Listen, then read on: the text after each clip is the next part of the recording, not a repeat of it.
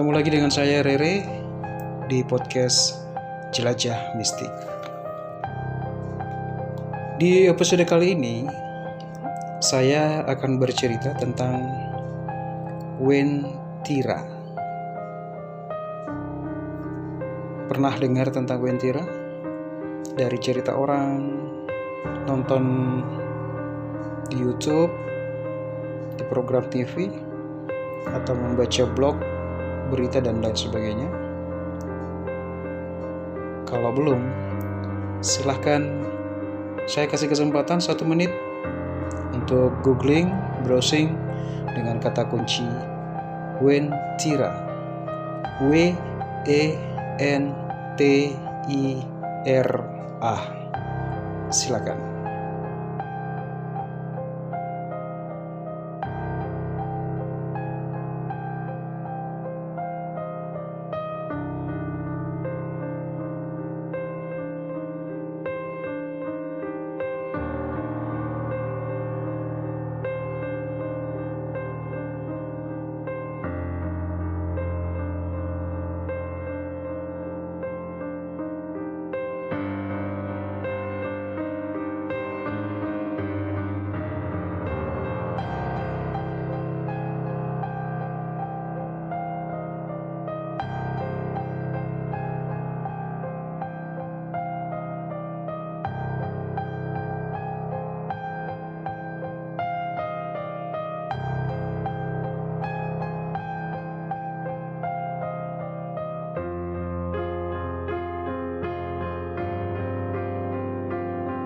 Oke, kalau sudah kita lanjut.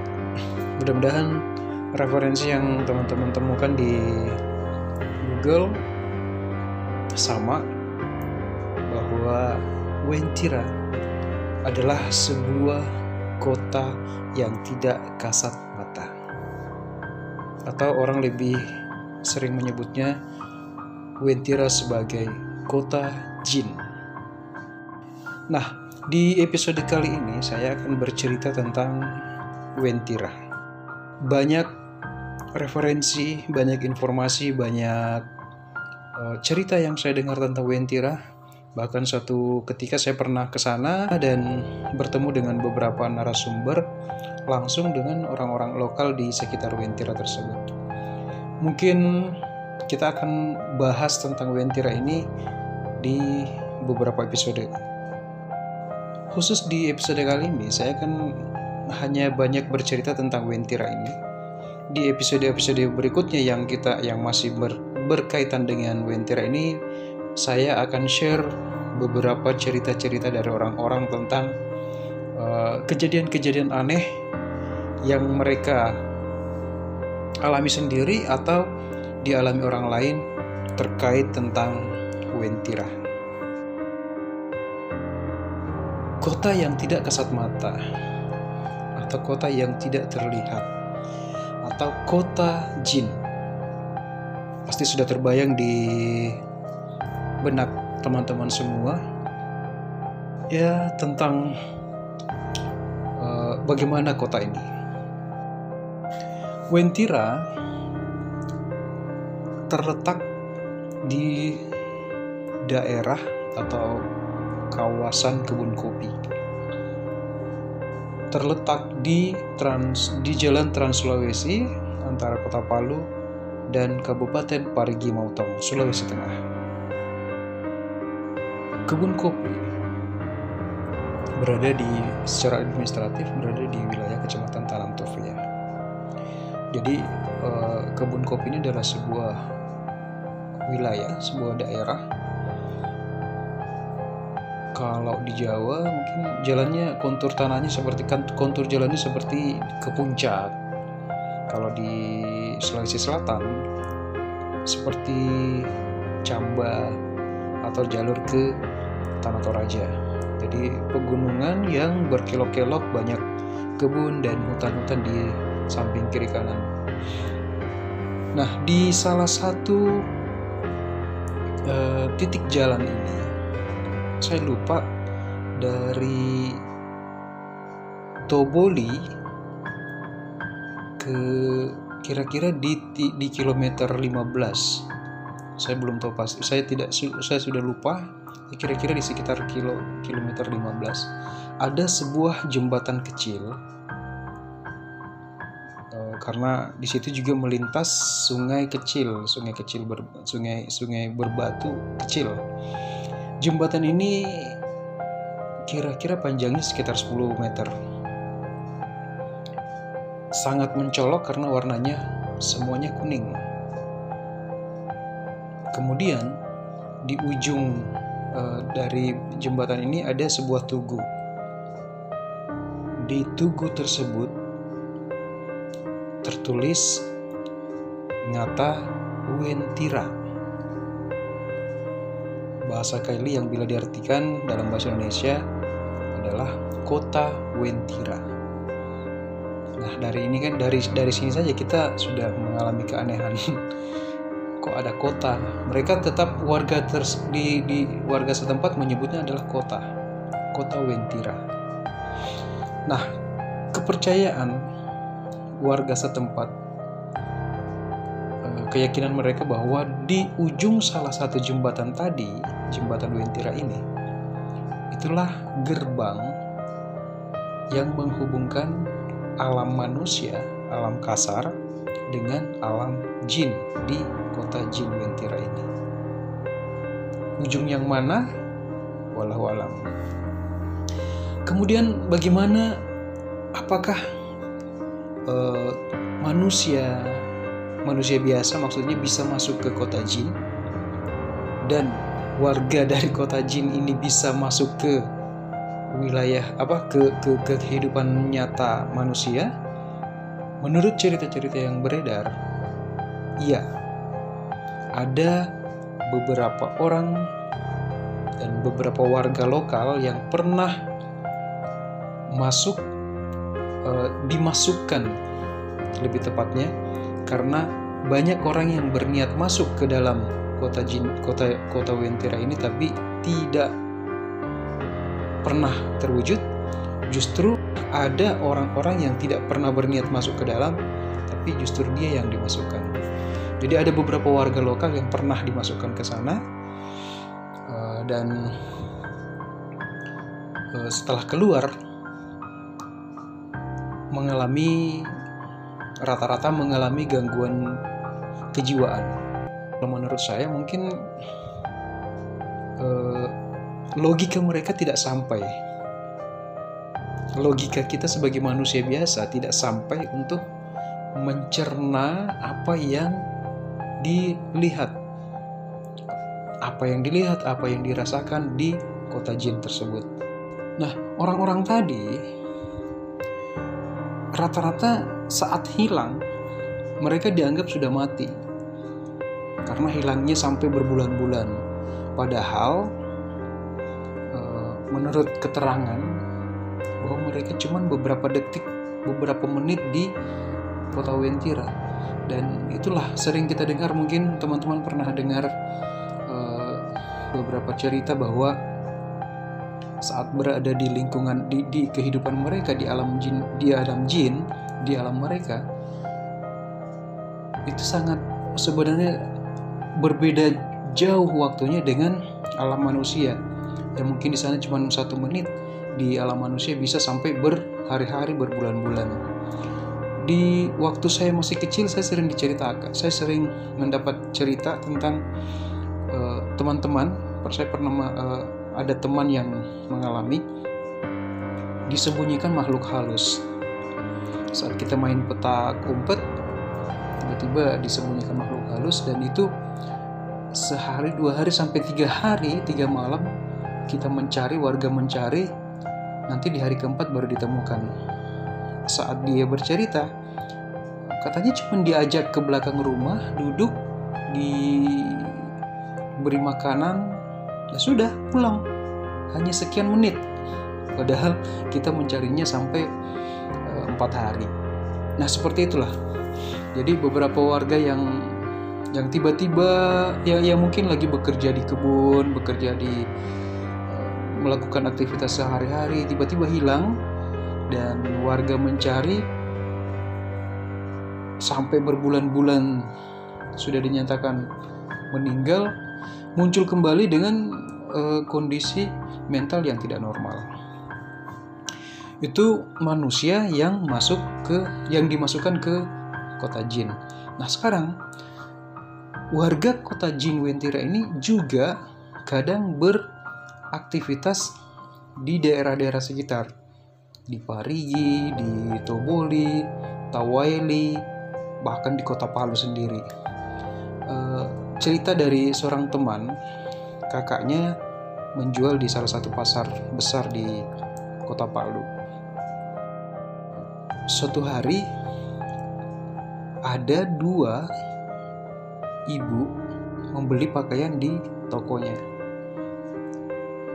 Pakaiannya banyak sekali, apa belanjanya banyak sekali dari dua orang ini. Setelah dibayar eh, barangnya diambil si kakaknya teman yang jaga yang di toko tadi itu baru memperhatikan. Oh ya ciri fisik dari orang wentira itu adalah tidak ada lekukan di atas bibir jadi di atas bibir di bawah hidung ini rata. Ya, coba teman-teman bercermin. Itu ciri fisiknya yang bisa langsung kelihatan nah inilah yang dialami oleh kakaknya si teman yang menjual baju tadi.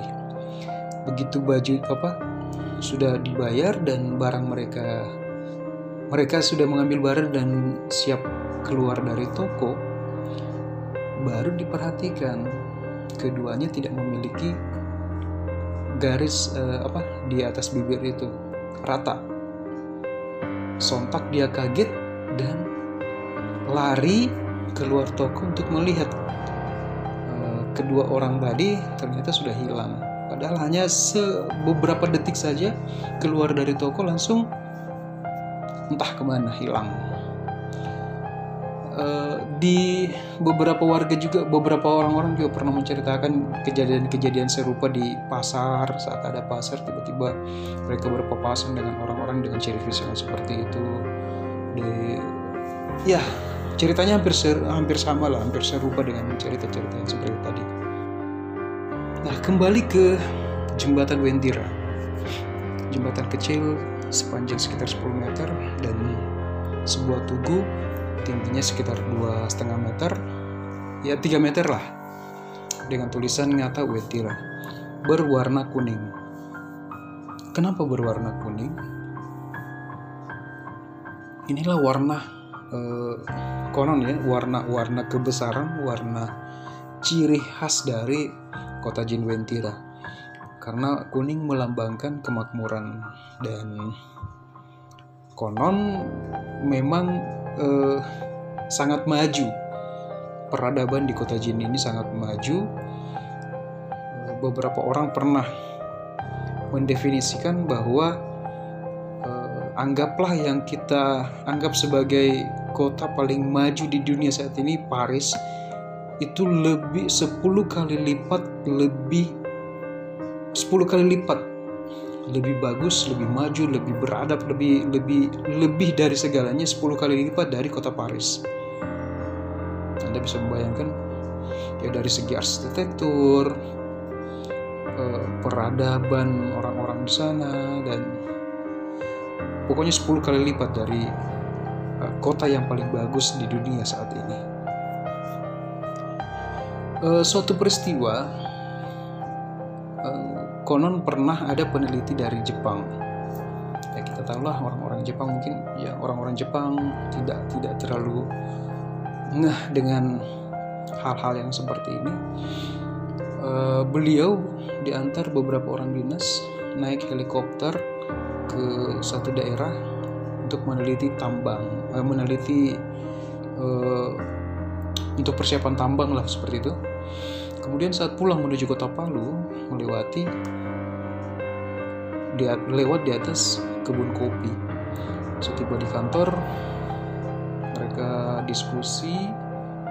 Kemudian si orang Jepang ini bilang, ternyata di Palu ini bukan kota besarnya ya, ada kota yang lebih besar lagi di atas di gunung sana dan tiba-tiba semua yang ada di situ hanya bisa maklum bahwa oh ya si misteri ini sedang diperlihatkan tadi kota Wentira. Jadi penggambaran dari kota Wentira ini sangat sangat sangat maju. Nah, beberapa orang juga mengaitkan bahwa Wentira adalah Atlantis yang hilang. Karena ciri-ciri yang disebutkan Atlantis itu berada di antara gunung-gunung berapi, banyak orang yang yang menyimpulkan bahwa Atlantis adalah Indonesia dan Wentira adalah bagian dari Atlantis yang hilang. Ya walau walau. Tahun 2014 saya melakukan touring dan salah satu tujuan utama saya adalah singgah di Wentira ini. Hari itu saya bertemu beberapa orang di sana. Salah satunya dengan seorang anggota polisi namanya Bribtu Ian. Bribtu Ian ini tugas waktu itu masih Bribtu ya, tahun 2014 bertugas di Polsek Tanantovea. Uh, Bribtu Ian ini adalah warga asli dari kebun kopi saya saat saya ketemu berbincang dengan beliau saya banyak mendapat uh, kita banyak sharing tentang banyak hal dan saya banyak mendengar informasi tentang uh, Wentira ini. Dan pertanyaan pertama yang dia tanyakan ke saya uh, tentang tanggapan saya tentang Wentira ini. Dan saya bilang ya saya percaya. Kemudian saya tanya balik Oh, bukan cuma saya katanya, semua warga kampung dan sekitar uh, sampai di Palu dan Sulawesi Tengah yakin dengan keberadaan kota Jinwentira ini. Nah, kakek dari Bribtuyan ini seorang tufu. Tupu atau tufu saya mohon maaf kalau saya salah ucap karena saya cuma mendengar uh, beliau tidak membaca tulisannya jadi pengucapan saya cuma mendengar pengucapannya tufu kalau tidak salah atau semacam ketua adat atau orang yang dituakan di kampung ini. Nah, si kakek Ian ini, Bribtu Ian ini punya uh, kelebihan kemampuan untuk berkomunikasi dengan orang-orang jin di kampung jin Wentira. Jadi semacam uh, penghubung penghubung antara uh, dunia warga di kebun kopi dengan warga dari uh, Wentira. Bila ada sesuatu, ada masalah dan lain sebagainya yang berkaitan antara manusia, warga dari kampung uh, kebun kopi dengan uh, kota Jin Wentira, uh, si kakek si Briptuyan inilah sebagai negosiator. Nah, e, salah satunya menurut Britian, dulu waktu jembatan Wentira ini di, dibongkar dan dibangun jembatan permanen yang seperti sekarang ini, pekerja proyek dari jembatan ini didatangi segerombolan orang berpakaian ya ala-ala tentara ala militer tapi kuning ber, uh, bernuansa kuning dan menghentikan pekerjaan dari jembatan ini. Konon si kakek si Briptuyan ini si Tufu inilah yang datang untuk berkomunikasi dan bernegosiasi dengan mereka. Akhirnya pekerjaan dilanjutkan. Uh, Briptuyan juga bercerita waktu bab waktu si kakeknya meninggal ini tahun 2014 sekitar dua tahun sebelum itu berarti sekitar 2012 uh, si kakeknya meninggal waktu malam pertama itu tahlilan. Hampir seluruh warga hadir di rumah beliau. Orang tua bapak-bapak dan ibu-ibu di dalam rumah. Kemudian anak-anak muda duduk di halaman rumah. Tiba-tiba berhenti di depan rumah tiga buah sedan tiga mobil sedan. Menurut gambaran si Briptuyan mobil sedan panjang katanya. Kemudian saya browsing saya perlihatkan mobil limusin ya seperti ini. Oh iya betul. Mobilnya seperti ini limousine. Mobil limousine tiga biji parkir berhenti di depan rumah. Nah saya berpikir di mana ada mobil limousine di Sulawesi? Jangankan di Palu di Makassar pun tidak ada mobil limousine apalagi tiga biji tiga buah. Tidak ada. Di mana pun kita akan cari, kita cari di pulau satu Sulawesi tidak ada mobil limousine setelah berhenti di salah dari salah satu mobil keluar orang dengan perawakan tinggi gagah cakep uh, berpakaian setelan jas mahal berwarna kuning begitu masuk melewati pintu halaman rumah semua yang hadir di situ seperti terhipnotis si Briptuyan ini bilang uh, rasanya itu seperti kita di ketindisan. Jadi sadar mata melihat tapi kita tidak bisa berbuat apa-apa. Seperti ketindisan katanya, seperti terhipnotis. Jadi cuma melihat si sosok yang tadi turun dari mobil kemudian masuk ke dalam rumah, semua terdiam. Hanya bisa melihat masuk ke dalam rumah, duduk di samping jenazah, mungkin sebagai penghormatan terakhir. Tidak sampai satu menit, dia bangkit kembali berdiri. Saat melewati pintu rumah, tiba-tiba pakaiannya berubah menjadi pakaian adat Kaili. Lintas, kemudian masuk kembali ke dalam mobil. Setelah mobil jalan, barulah semua orang tersadar 100%. Dan baru heboh bahwa kita semua melihat uh, kejadian yang sama. Semua yang ada di situ menyaksikan. Nah, masih banyak eh, cerita-cerita yang saya tahu tentang interaksi warga uh, kota Jinwentira dengan uh, manusia tapi mungkin saya akan ceritakan di episode-episode berikutnya. Untuk kali ini saya cukupkan sampai di sini.